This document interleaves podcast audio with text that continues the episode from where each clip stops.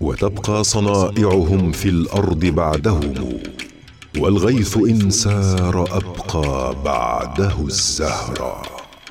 سرمديات مع سميره الافتصيه النية الصافية هي أساس الأعمال الصالحة والأفعال الحسنة والأقوال الصادقة وهي قوة هامة للوصول إلى النجاح بشرف وعزة وترجمة الخطط بلا لف ولا دوران. نيتك الصافية هي اللي تجلب لك الخير دايما. كما قيل على قدر النوايا تكون العطايا. لذا ضع نية الخير في قلبك وسيتولى الله أمرك. في سرمديات اليوم مستمعين عن النية. فيقول المتنبي إذا كان ما تنويه فعلا مضارعا مضى قبل أن تلقي عليه الجوازم. وهناك حكمة لاتينية تقول العمل الظاهر ينم عن النية المبيتة. وهناك حكمة أسبانية تقول عمل الخير أهم من نيته ونية الشر أهم من عمله.